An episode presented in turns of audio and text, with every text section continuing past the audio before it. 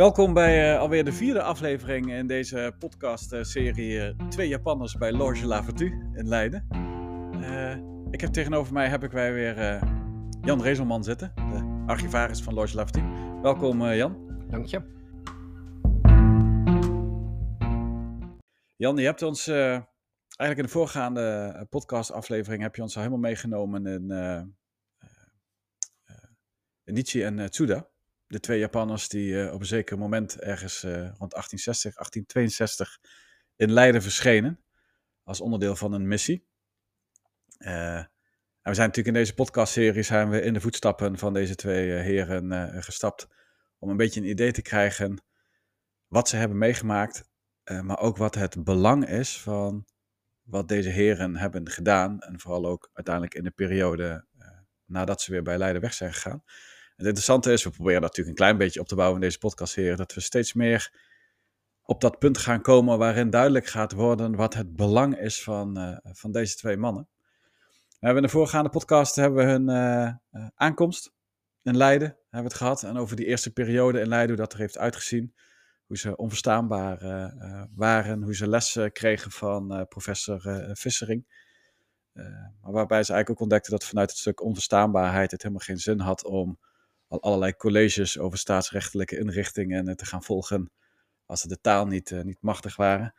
Dus het belangrijkste was eigenlijk dat er eerst ritme kwam in het leven van deze twee Japanners in een wereld die voor hun totaal vreemd was.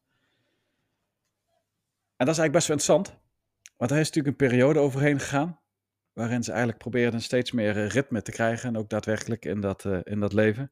Het interessante is dat natuurlijk Leiden ook steeds meer gewend raakte aan deze twee nou rare vogels, die eh, zoals in het begin nog wel eens werden genoemd, de spotvogels. Je hebt in vorige afleveringen wat uh, daarover verteld. Um, mensen zien de twee Japanners, ze zien ze met enige regelmaat over het Ravenburg wandelen en ongetwijfeld ook over uh, andere mooie straten die, die Leiden kent.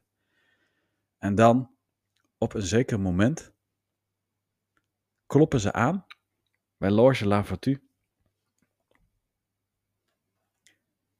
En dan is het de vraag, dat is eigenlijk best fascinerend.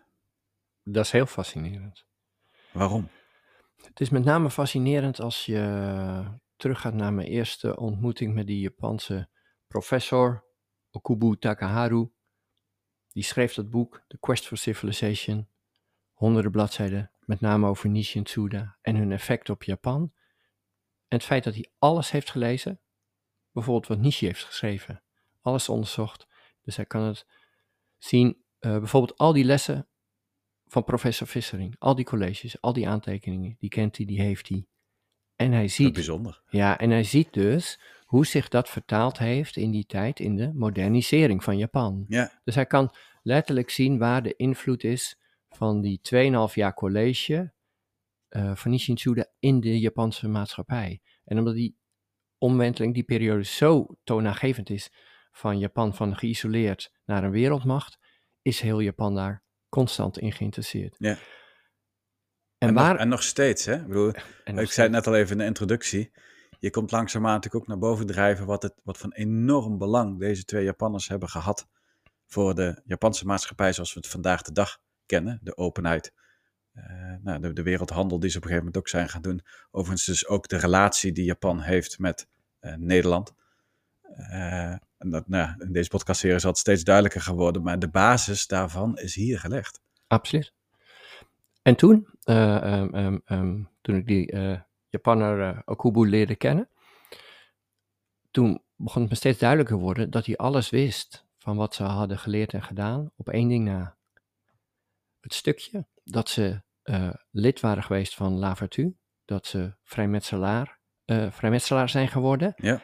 En het wat ze daar nou geleerd hebben en hoe zich dat heeft vertaald in de moderne maatschappij. En die vraag kon hij niet beantwoorden met tien jaar uh, fulltime onderzoek naar die twee. Nee. Dus geen wonder dat hij nieuwsgierig was naar, uh, kunnen we erachter komen? Omdat hij dat een puzzelstukje was.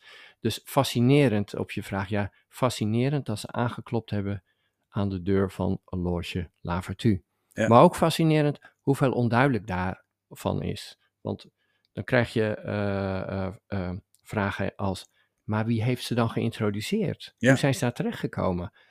Eh, in welk gebouw is dat gebeurd? Want Loge Lavertu zit al meer dan 150 jaar in een prachtig gebouw in de Steenschuur. Is het daar dan gebeurd? Alle Japanners willen daar kijken. Ja. Is het daar dan gebeurd? Of toch ook niet? Ik ga een paar dingen daarover vertellen. Ja, leuk. Ja.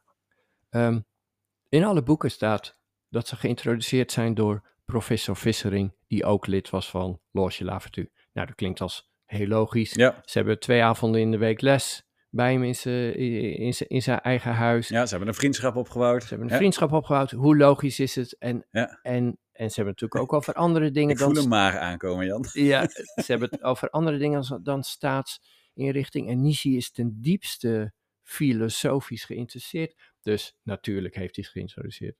En ik heb dat honderd keer gelezen in allemaal boeken. Totdat ik dacht, ik ga even in onze ledenlijst en onze oude boeken even dan die naam Vissering opzoeken. En ik kon hem niet vinden. Ik dacht, dat kan toch niet waar zijn? Dus ik heb echt op acht verschillende manieren gedacht en gezocht en gekeken. En, en uiteindelijk was de conclusie, ja, het is niet waar. Um, Vissering was geen lid van Lavertu, dus kan ze ook niet geïntroduceerd hebben in Lavertu. Zoals je vroeger je vriend of je familielid echt introduceerde in zo'n loge. Ja, toen werd het interessant. Hoe dan kom je hoe dan onherroepelijk bij de vraag uit, wie ja, dan wel? Wie dan wie wel? is de schuldige? ja, het, en, en daar is een stukje notuleboek is fantastisch. Want ergens in het notuleboek um, staat... Een, het notuleboek van, uh, van La Vertu? Ja, het ja? notuleboek van La Vertu. Uh, donderdag 6 oktober 1864. Ik ga je iets voorlezen ja? wat een puzzelstukje geeft, wat uh, misschien helpt. Uh, er staat in het notuleboek, de achtbare meester, dat was uh, Plaat in die tijd, geeft daarna kennis dat zich bij hem heeft vervoegd een Japanees al hier tijdelijk woonachtig, om in de orde te worden aangenomen, maar dat deze profaan, dat is eigenlijk een soort burger, wensende dat zijn aanneming onder de meest mogelijke geheimhouding zou geschieden. En hier zit een prachtig puzzelstukje. De stuk komt een Japanner, ik, ik weet dat het Nishi is, uh, uh, um, het wordt niet genoemd, maar ergens kan ik het concluderen. Nishi komt bij de voorzitter, de achtbare meester van La Vertu, uh, niet in de loge, maar ergens bij hem thuis bijvoorbeeld, en vraagt, ik zou lid willen worden van de loge, maar onder de meest mogelijke geheimhouding. Ja, dat is wel bijzonder, hè? Dat je denkt, waarom vraagt hij dat? Wat, wat zit daar omheen? Uh, daar zit iets omheen dat uh, de vrijmetselarij in Japan uh, was niet officieel, was er niet. Wat, ik wil zeggen, was dat toen al een vrijmetselarij? Dat kan ik bijna niet voorstellen inderdaad. Nee, dat is zo'n gesloten maatschappij is. Dat is veel later opgericht. Ja. en ja, het was er ook wel bijvoorbeeld in, met internationale betrekking, met zo'n handelspost, daar zie je dat er ook vaak wel vrijmetselaars zijn. Of invloeden of iets in die ja, geest. Ja, ja, maar dat zijn dan loges van buitenlandse. Ja, ja. dus, dus nee, het was er niet. En toen zij weggestuurd werden uit Japan, toen was er natuurlijk een machtsdynamiek. Uh, dus zij dachten, ja, maar als we terugkomen, kan er wel eens iemand anders aan het bewind zijn. En dat wil niet zeker zijn of dat nou goed afloopt. Mm -hmm. Want die vorige missie, uh, die kwamen terug. En die zijn best heftig ontvangen. Er staat letterlijk, um, ze hoefden nog niet de zo beruchte buikoperatie te ondergaan, uh, harikiri. Oh, uh, maar ze waren wel van al hun waardigheid ontheven. Dus je wordt weggestuurd, je komt terug en het is riskant. Ja. Kan je je voorstellen? Dus als je dan terugkomt met allemaal wetenschappelijke kennis, dat is oké. Okay. Maar als je terugkomt en je zegt, ik ben ook nog vrijmetselaar geworden, ja. ja, ja. die is met de riskant. Dus wat er gebeurd is, Roderick, toen ze terugkwamen, hebben ze nooit een woord verteld over dat ze vrijmetselaren zijn geworden. Nooit iets over geschreven, nooit iets over gezegd. Te riskant. Ja. En toch hadden ze een onbedwingbare uh, nieuwsgierigheid naar. Wat is het dan? Ja. Ja. ja. En daar, uh, mijn theorie is dat Nishi die ten diepste filosoof was. Ja. um, onbedwingbare nieuwsgierigheid naar alle soorten van filosofie dat hij dacht, als dit in Leiden is en ik kan dat meemaken en ik kan dat niet alleen uit boeken, maar ik kan rituelen meemaken, ik kan onderdeel van zijn, dat hij dacht, dat wil ik. Maar wat hij dus zeker wilde weten, onder de meest mogelijke geheimhouding. Ja, maar dat kan me dan ook wel voorstellen, dat hij, uh, dat hij die behoefte wel heeft, dat dat op geen enkele manier ook maar ooit ergens een keer naar boven mag komen uh, drijven. Ja. Zeker niet in die tijd. Klopt. Maar dat natuurlijk toch al wel... Uh, Dus ik zit even te denken, want in die tijd was natuurlijk de, de, de, de, de onderscheid tussen eh, kerk en staat, was er volgens mij wel, maar tegelijkertijd ook, eh, eh, nou was het toch nog wel aardig verweven met elkaar. Religie speelde natuurlijk nog wel een hele grote, grote rol. Eh, nou ja, de vrijmetselarij staat natuurlijk gewoon met name bekend vanuit het, eh, het vrijdenken een stuk. Waarin religie is, is prima, maar er zijn meerdere religies en geen van allen heeft eh, de waarheid in pacht. Terwijl dat toch toen de tijd wel ook vanuit katholiek geloof toch wel anders over werd nagedacht. Dus ik kan me best voorstellen als je dan dus naar een Japan terug moet, die maatschappelijk en ook qua ja, religiositeit heel anders in elkaar zit. Eh, dat ook dat stukje vrijdenken daar misschien niet altijd op de juiste waarden eh, zou worden ingeschat, om maar even netjes uit te drukken. Volgens mij kunnen we er ook nog een podcast Ja, daar kunnen we nog een hele maken. podcast over, Maar, eh, maar, ja. maar, maar, maar die, maar die laten we even, want we weten dus, het was spannend. Ja. Hij was bij de achtbare meester. Dan is de vraag, hoe kwam hij daar? Ja, nou, dat zou mijn volgende vraag ook zijn, want dat, dat, dat blijft natuurlijk nog een beetje een mysterie voor mij over de vraag van wat, is, wat heeft er nou voor gezorgd dat hij uiteindelijk heeft aangeklopt bij Loge Laftu? Eigenlijk is dus de vraag, wat heeft ervoor gezorgd dat hij op bezoek ging bij die achtbare meester met deze vraag? Ja. Daarna komt de loge wel. Eh, ehm, en, en, en daar heb je dus een paar kanten. Hij loopt natuurlijk al eh, een tijdje rond door Ja. Leiden. Hij ziet dingen in Leiden. Hij begint mensen Ehm, te kennen. Hij begint mensen te kennen. Hij heeft de ogen open. Ehm, hij kent Vissering. Vissering is onderdeel van de, van de upper class van Leiden, de universiteit. Dus het zou best kunnen zijn dat Vissering ooit heeft gezegd: hey, als je zo filosofisch geïnteresseerd bent, dan is er iets interessants. Dan ga ik je even eh, introduceren bij mijn buurman, vriend, collega, eh, eh, achtbare meester van Lavertu. Ergens zou het zo'n stapje kunnen zijn. Andere theorie is, eh ken je Rutgers nog? Ja. Directeur van het badhuis. Ja. Die zegt, hey, als jullie dit zo interessant vinden, ik zit bij Lavertu. Ja. Maar dan moeten jullie eerst even met hem gaan Hem praten. dus, dus Maar eigenlijk komt het er gewoon op neer dat als het gaat om de totale puzzel van deze twee Japanners, is, is, is dit een van de weinige puzzelstukjes die niet met 100% zekerheid eh, te leggen is. absoluut. Over wat is, wat is nou het moment geweest waardoor ze contact hebben opgenomen met in dit geval de achtbare meester toen de tijd van Loge. En wat eigenlijk hun Ja. hele inwijding en alles wat erna komt in gang heeft gezet.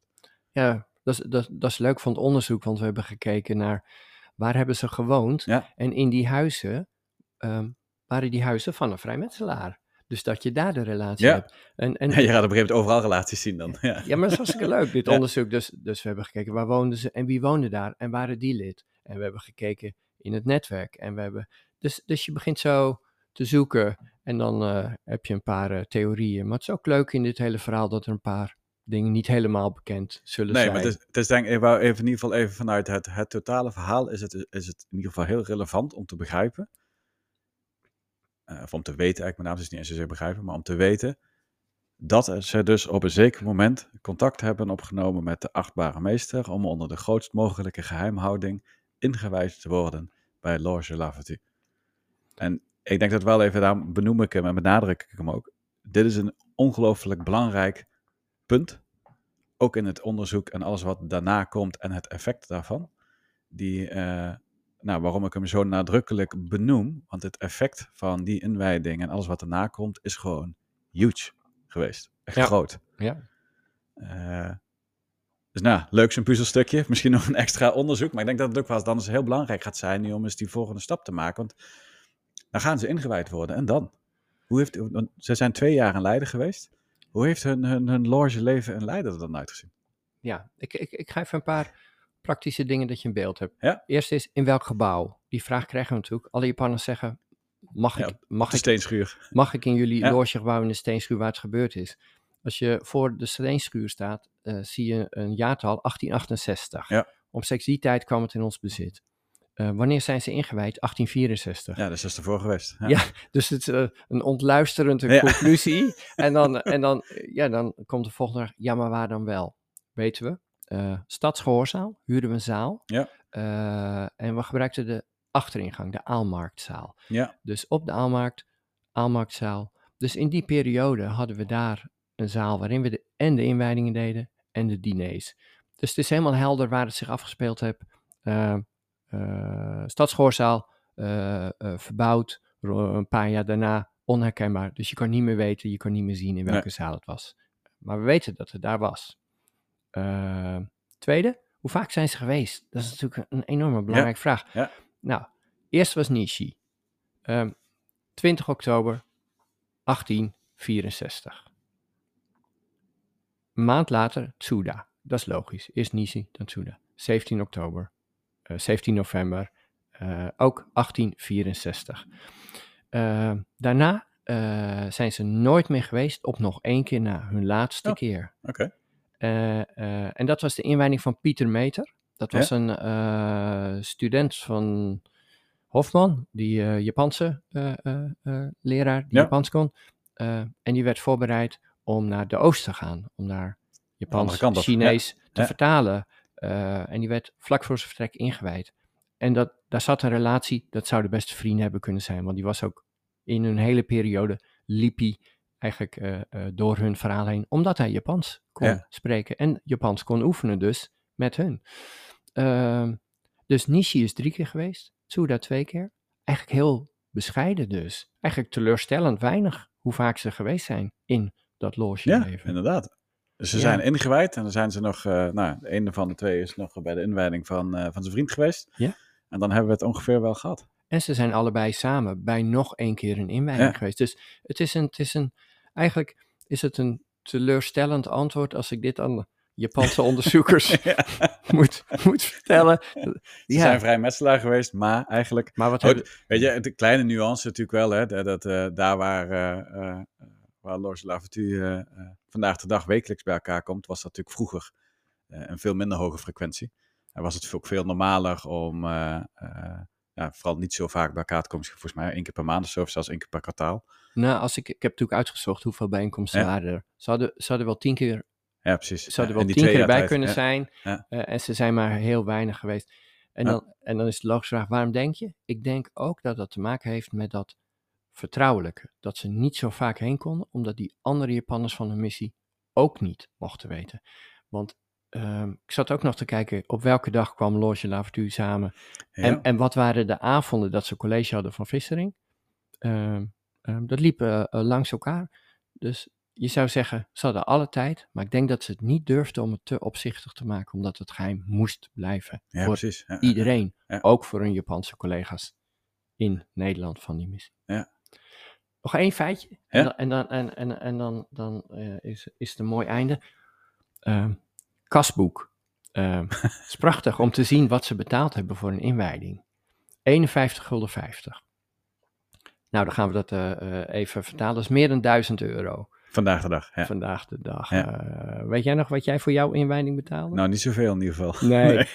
laten, we, laten, we, laten we doen rond de 200 euro. En Ja. toen was het dus 1000, vergelijkbaar 1000 euro. Eh, eh, boeiend om te zien dus wat een enorme investering dat was. Eh, maar dat deden dus mensen ook, investering in reputatie, netwerk. Het betaalde zich dus ook uit als een echt als een investering in, in je sociale netwerk. Ja. Ehm, en dan vraag je hoe kwamen ze aan het geld? Eh, ehm, weet ik, maar dat is ook nog een podcast op zich, hoe ze dus geld hadden om dit soort eh, dingen te kunnen doen. Want ze verdienen natuurlijk niets in die 2,5 jaar, waren Nee. alleen aan het studeren. Dus dit, dit is wel aankloppen bij de loge, de eerste Japanse vrijmetselaars. Nog, nog, één, nog één aspect. Het, eh, de schok in Japan, die, die, die hadden een heel helder beeld. De vrijmetselarij die na de Tweede Wereld was opgericht, wie hun eerste leden waren. Eerst vrijmetselaars. Er was een ambassadeur die in Londen was rond 1900. En opeens, opeens kwam ergens uit Leiden eh, het bericht dat er twee vrijmetselaars in 1864 al vrijmetselaar waren geworden. Ja. En niet zomaar twee, maar Nishi en Tsuda, enorm bekende Japanners. Was een soort schok in Japan van, hè? Eh, de vraag hoe dat daar terecht is gekomen, eh, kan op verschillende manieren, is niet helemaal duidelijk. Rond 1980, maar, maar je kan je voorstellen wat voor schok het heeft gegeven. Ja. Eh, maar ook wat voor fascinatie. eh, we hebben twee eerdere vrijmetselaars.